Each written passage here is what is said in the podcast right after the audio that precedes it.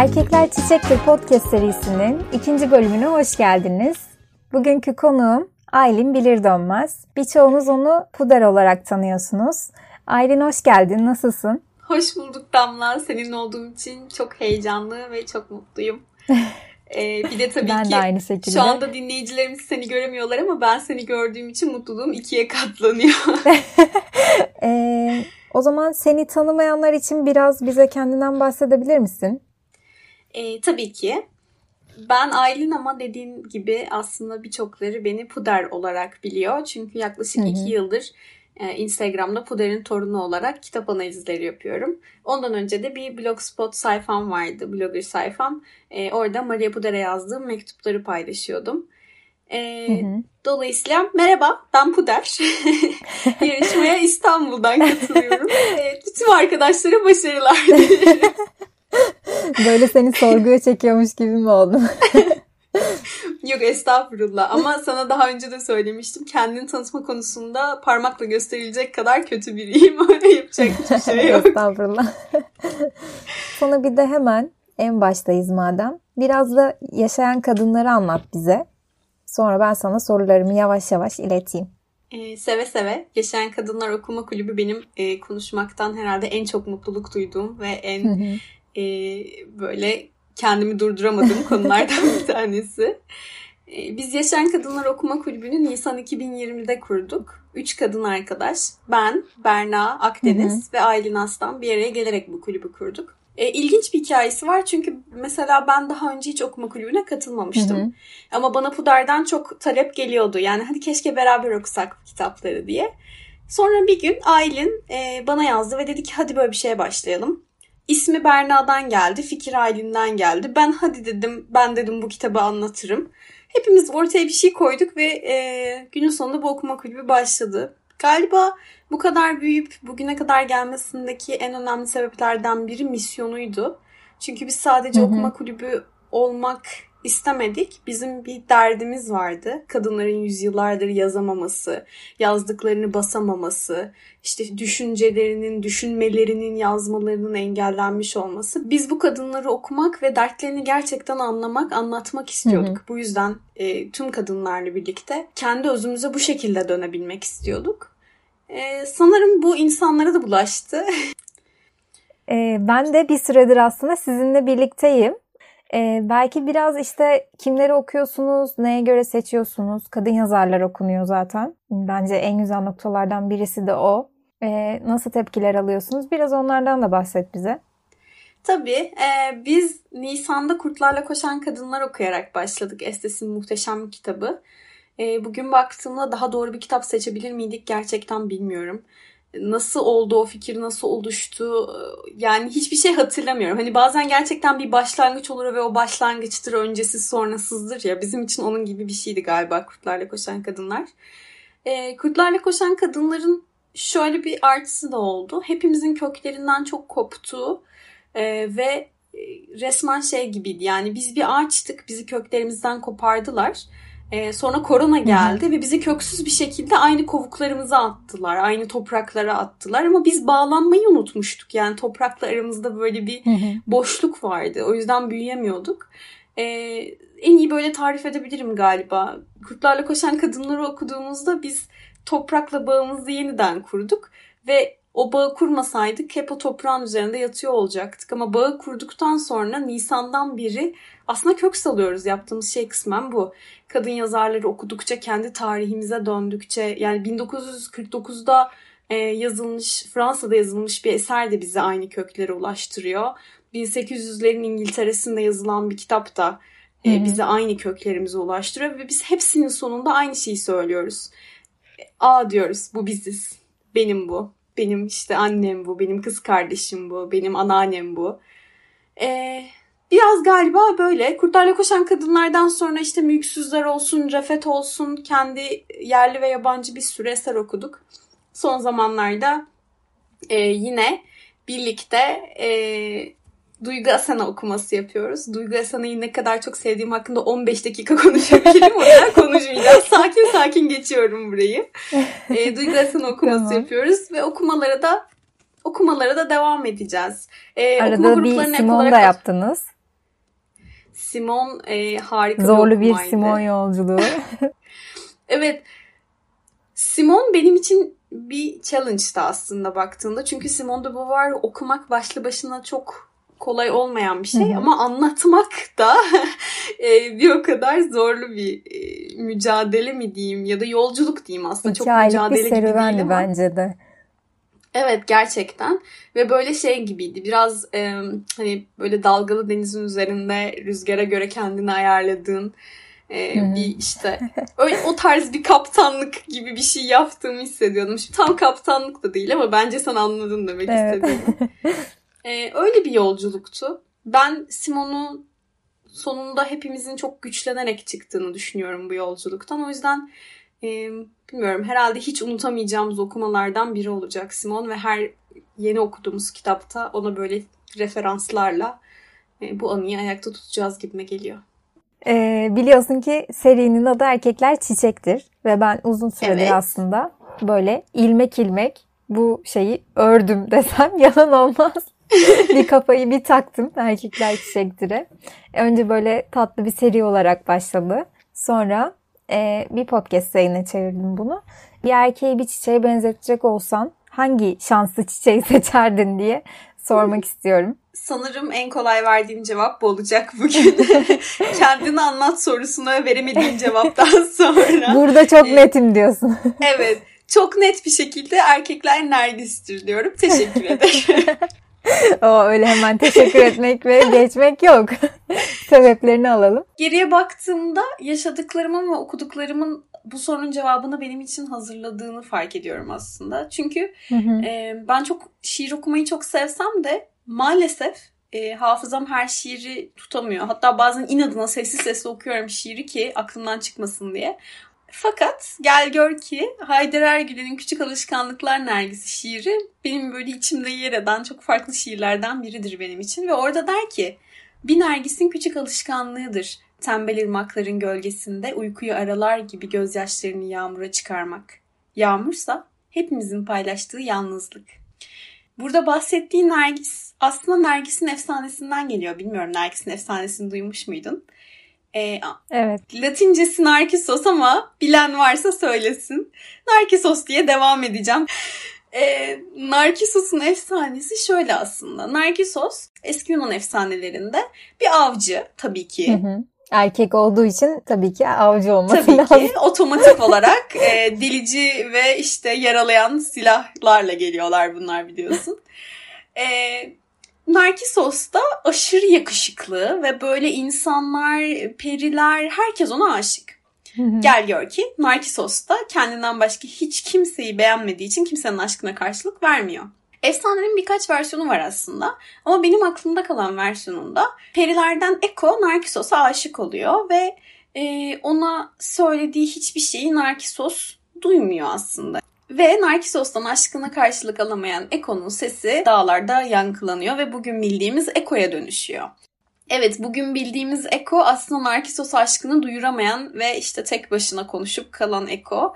E, hatta efsanenin bazı versiyonlarında Eko'nun başından beri kendi cümlelerini kuramadığı, yalnızca başkalarının kurduğu cümlelerin son kelimelerini tekrarlayabildiği ve kendini böyle ifade etmeye çalıştığı da söyleniyor. Hmm. Ama işte efsanenin birkaç versiyonu var. Diğer versiyonlarında ise işte eko sesini duyuramaya duyuramaya en sonunda bir ekoya dönüşüyor dağlarda yankılanan ve yalnızlığında perişan olarak ölüyor. Ama ölmeden önce çok kurnaz bir hamle yapıyor ve Olimpos tanrılarına yalvarıyor.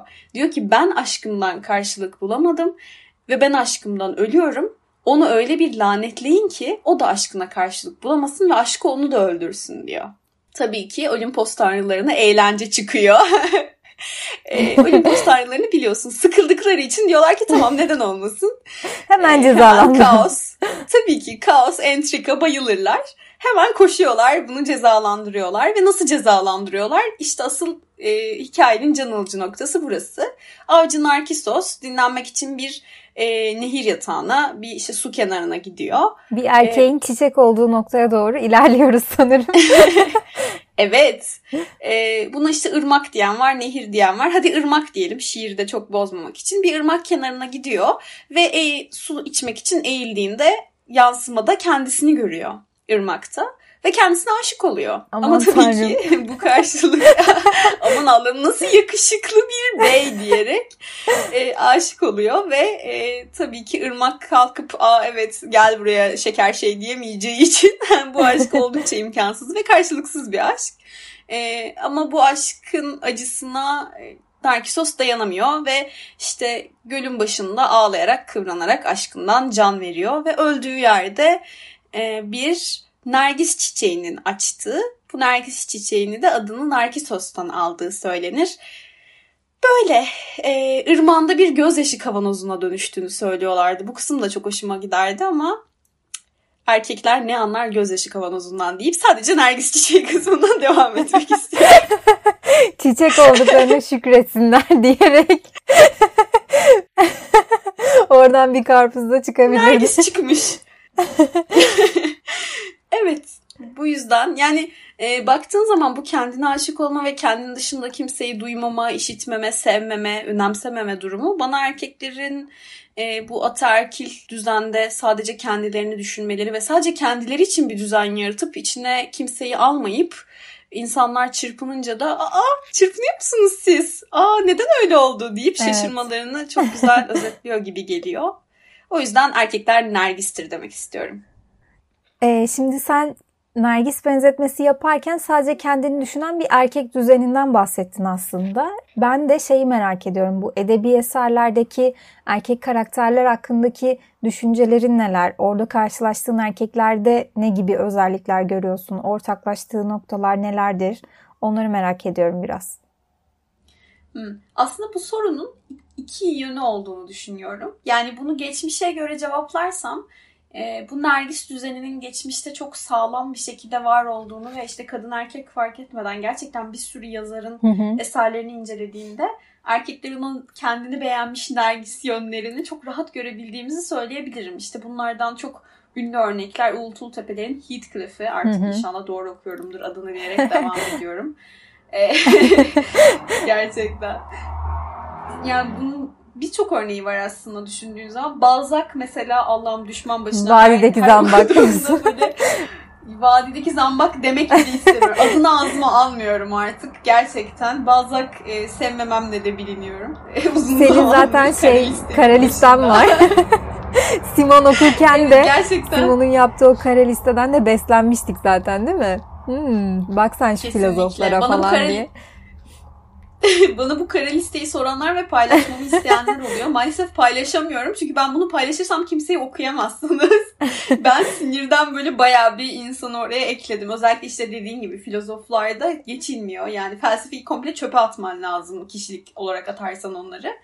Ee, o yüzden eski dönemlere birazcık Evet, daha maalesef. e, hani ılımlı yaklaşmaya çalışıyorum. Balzac hariç. Balzac'a ılımlı yaklaşamıyorum.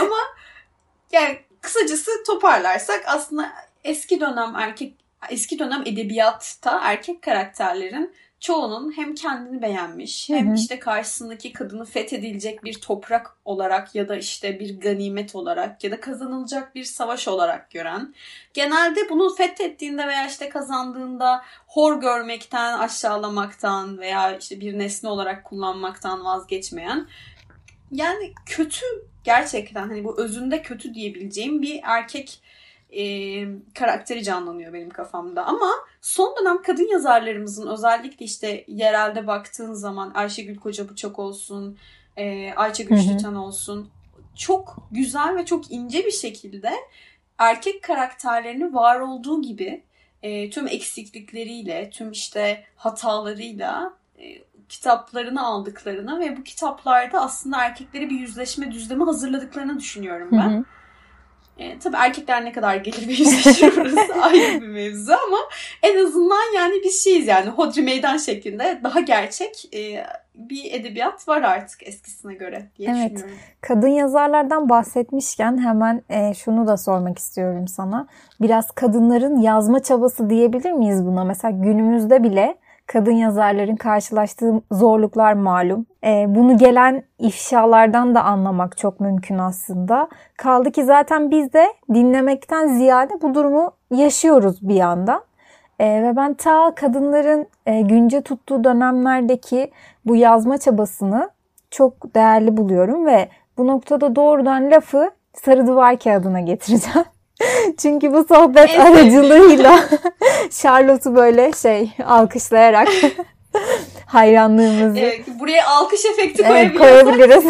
koyalım. Yoksa siz, yoksa siz koyduğumuzu hayal edin çünkü. Ee, yani bir kadın hem bu kadar yazmak isteyip hem bir metni bu kadar mükemmel yazıp hem de bunu bu kadar gizlice nasıl anlatabilir? Yani ben aydınlanmalardan aydınlanmalara mı diyeyim?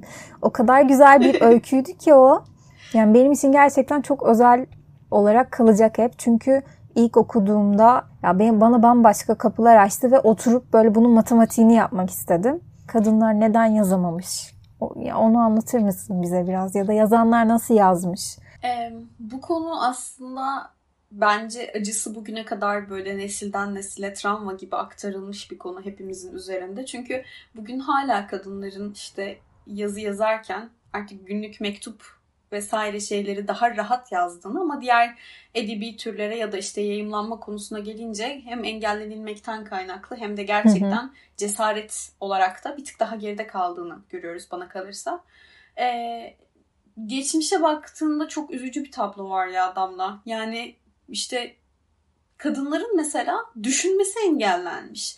Gerçekten yani histeri diye bir hastalık e, tasarlanmış biliyorsun. Evet. Bugün bildiğimiz anlamıyla histeri farklı bir şey ama o zamanlarda histeri bir kadın hastalığı olarak gözüküyor ve rahimle ilişkilendiriliyor. Bu kadınların o kadar normal hareketlerinden histerik olduklarını çıkartıyorlar ki inanamazsın. Yani örneğin e, sen bir kadını alıyorsun, e, bir adama veriyorsun mal gibi e, o kadına hiçbir özgürlük vermiyorsun. O kadına yurttaşlık hakkı, ekonomik özgürlük hiçbir şey vermiyorsun. Ona adeta bir e, otoritenin eline bırakıyorsun. Sonra o kadın evinde işte mutsuz mutsuz iç çekiyor, duvarlara bakıyor ve sonra sen diyorsun ki aha duvarlara baktı, iç çekti. Sen kesinlikle histerik olmalısın diyorsun ve koca koca tıp kitapları işte efendime söyleyeyim iç çekmek, uzun süreçli mutsuzluk, böyle bir darlanmalar. Ya böyle bu kadar basit şeyleri yok başının dönmesi çok normal bir şekilde mutsuz bir kadının yaşayabileceği semptomları almışlar ve histeri diye bir hastalık yaratmışlar. Daha doğrusu hı hı. histerinin bugün bildiğimiz haliyle tanımını genişletip genişletip içine bütün kadınları sığdırmışlar. Ve üstelik ondan sonra da bir rest cure icat etmişler. Dinlenme tedavisi. Ee, yine dönemin böyle koca bıyıklı adamları geliyorlar. Diyorlar ki senin kesinlikle dinlenmen lazım. Ve işte elini kitaba dokundurtmayacaksın. Günde iki saatten fazla okuma yazma düşünme hiçbir şey yok. Ee, öyle hiçbir şey yapmadan mümkünse kafan çalışmadan oturacaksın dinleneceksin diyorlar. Şimdi bu kadınlar ne yapsın? Bir şekilde yazma okuma imkanına erişmiş olanlar da Mesela babasının kütüphanesinden hı hı. okumaya çalışan çok fazla kadın var. Burada babaların çok uzun yıllar boyunca yine yüzyıllar boyunca hatta kızlarına e, kitap okuturken bu kitapları neredeyse tamamını sansürleyerek işte onun zarif beynine çok şey ol, zevali olmaması için minnoş minnoş yerleri okuttuğunu vesaire görüyorsun ve bunların hiçbir öyle ağım düşünsel konularda değiller üstelik. Dolayısıyla kadınların çok büyük bir kısmı yüzyıllarca ne okuyabilmiş, ne yazabilmiş, yazdıklarını ancak günlük ve mektup olarak yazabilmişler. Bu çok üzücü bir şey. Yani mesela bunu bilen kadınlar ama ne yapmışlar? Mektuplarını işte en yakın arkadaşlarına mektup yazıyorum diyerek e, bir de zaten çok kadınca bir eylem olarak görülüyor bu değil mi? O yüzden kimse yasaklamıyor, etmiyor da sınırlandırılmadıkları bir alanla karşılaşmış oluyorlar. Aynen. Bir de kısmen tabii birazcık daha özel hala. Hı hı. Çünkü dedikodu gibi bakılıyor neredeyse. Ee, bu kadınlar birbirlerine mektup yazıyorlar ve bu mektupları yazarken kimi kadınlar 100 yıl sonra yayımlanmak üzere vasiyet etmiş mektuplarına ve bunları da yazarken gerçekten karşısındaki kişiye işte gününü anlatmaktan ziyade bir kitap gibi bir okura kendini anlattığı bir dünya tasarlamış orada. Yani basılabilmek için, yazılabilmek için 100 yıl beklemek istemek, 100 evet. yıl boyunca anlaşılabileceğini inanmamak bir kadın ağrısıdır. Bu bir erkeğin anlayabileceği bir şey değil. Gerçekten değil. Bugün hala böyle. Biz evet. işte okuma grubunda da öyle biliyorsun. Bazı dertleri konuşurken yani konuşamıyoruz, tıkanıyoruz bazı yerlerde veya işte anneannelerimizin dertlerini yeni yeni konuşuyoruz. Şimdi bu kadar uzun süre gelebilmesi bir ağrının bence çok kritik. Histeri de böyle. Kadınları yüzlerce yıl engellemiş. Charlotte Bronte olsun bugün bildiğimiz çok büyük kadın yazarlar erkek isimleriyle basılmak zorunda kalmışlar. Hı hı. Ee, bir kısmı hiç basılamadığı için bugün bile tanımıyoruz, bilmiyoruz çoğunu. Ama bastırılmış bir kalem var. Kadının e, toplu bir dışlanması söz konusu edebiyat alanından. Bu da neresinden baksan çok üzücü bir hareket. Evet kesinlikle. Bir de kitaplarda ve hatta böyle Yeşilçam'dan da tanıdık olduğumuz bir sahne var aslında. Aa bayıldı sahnesi. Hemen bir kolonya getirin falan. Neden bayılıyor bu kadınlar? Bir de onu açıklarsan bize bugün. Evet bütün yeşil çocukluğu Yeşilçam'la geçmiş herkes şu anda dört gözle bu sorunun cevabını. Kadınlar neden bayılıyordu? bu kadınlar neden bayılıyorlar? Açıklıyorum. Çünkü bu kadınlardan bayılmaları bekleniyor. Peki bu kadınlar hangi kadınlar? Bayılan kadın tiplemeleri kim? Kimi seçmişler? Kimi bayılmaya layık görmüşler? Bayılan kadın ideal kadın. Hı hı. Yani aslında bu eternal feminine dediğimiz. Sen ben bayılamayız işte, yani değil mi bir filmde oynasak? Sen ben. Zor. Biz, bizi yemezler gibi. değil mi? Bizim bayılacağımızı Çeşitli tek... kriterlerden.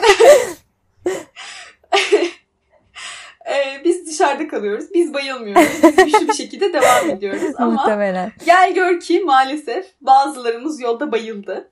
Ee, onlara buradan acil şifalar diliyorum. ee, ya şöyle... Ay sinirlerim bozuldu. ya bu çok komik bir mevzu ve bence yani bu ataerkin ikiyüzlülüğünü en net gösteren şeylerden bir tanesi. Evet. Çünkü e, kalkmışlar zamanında işte böyle 19. yüzyıl falan 18-19 koca koca ahlak kitapları yazmışlar. Üşenmemişler. Kadınlar nasıl davranmalı ve bu davranış kitaplarının içinde kadınlar çok narin ve hassas varlıkları olduklarından kendilerini şaşırtan veya üzen bir durum ortaya çıkarsa şak diye bayılmaları gerekiyor. Yani ideal kadından beklenen şey bu. Çünkü yani böyle albenili olman için hassas olman lazım. Sen bayılmadığında şey oluyor. Bu ne ya erkek Fatma falan. Bu nasıl dayandı? Bu kadar acıya. Kesinlikle o sen beni de yersin falan diyorlar ve kaçıyorlar. Dolayısıyla kızlarımız da aman Allah'ım çok narinim bugün şeklinde bir algıyı erkeğin kucağına hatta. Tabii ki zaten o slow motion bir bayılma biliyorsun yavaş yavaş böyle e, bir bayılma gerçekleştiriyorlar. Bu tabii Charlotte'u bir de niye seviyorum biliyor gelmiş. musun? Ee, kocasından intikamını Hı. hikayede onu bayıltarak alıyor ya dayanamıyor yaşananlara ve bayılıyor ya John'du galiba değil mi adamın evet. adı sallamayayım şu an ama evet. şak diye bayılıverdi evet, evet. hikayenin sonunda ben orada mest oldum zaten Evet. Çok iyiydi. Ve aa neden bayıldı ki acaba diye de sorup e, üstünden geçmeyi de ihmal etmedi. Mükemmel bir öç alma bence bu. Gerçekten Charlotte'u böyle evet. bugün görsem sarılıp of be ne güzel ya, bitirdin gerçekten öyle. bu kadar da güzel öyle. yazılmaz be kadın falan diyormuş. Aynen ya aman Allah'ım ya. yani hani bir de bayıl istersen Feriha şeklinde geldiğimizde. o da o da bayılsın. Ay vallahi. Ya Emir'le John'un ortak noktasını buldunuz. Bugün bu yayında e, işte neydi adını Feriha koydum Emir'le Sarı Duvar John'un bir ortak noktası bulundu. Tarihe geçsin. Evet. Vallahi güzel bir şey kapanış oluyor. Peki o zaman sence sana son sorum. Sence e, böyle çiçeklerle mücadele etmek, savaş veriyor olmak akıl kârı mı? ne diyorsun? Bence akıl kârı değil ee, ama biz zaten değil doğru Bu cevabı beklemiyorum ama. Hayır. ya şöyle ben çünkü yaptığımızın inanılmaz mantıklı ve böyle çok e, dümdüz sistem uygun bir şey olduğunu düşünmüyorum. Bu yüzden kazanıyoruz ama. Yani böyle deli olduğumuz için nereden geldiğini şaşırıyorlar. Ee, işte aman Ali Rıza Bey ağzınızın tadı kaçmasından bırakın bırakın tadımız biraz kaçsına doğru emin adımlarla ilerliyoruz. O yüzden çiçekler bence tam da bize göre bir mücadele aracı ve bu çiçeklerle bu mücadele kazanır. Ki zaten e, benim çok sevdiğim ve her zaman sevgiyle anmaya devam edeceğim Didem Madak da çiçekli şiirler yazmak istiyorum bayım. dediğinde Oh. e, bence biraz da bundan bahsediyordu. O zaman oradan bir bölümle bitirelim mi bu sohbeti? Olur. O zaman sana e, bana en çok dokunan kısmını okuyacağım şiirin. 14 yaşındaydı ruhum bayım.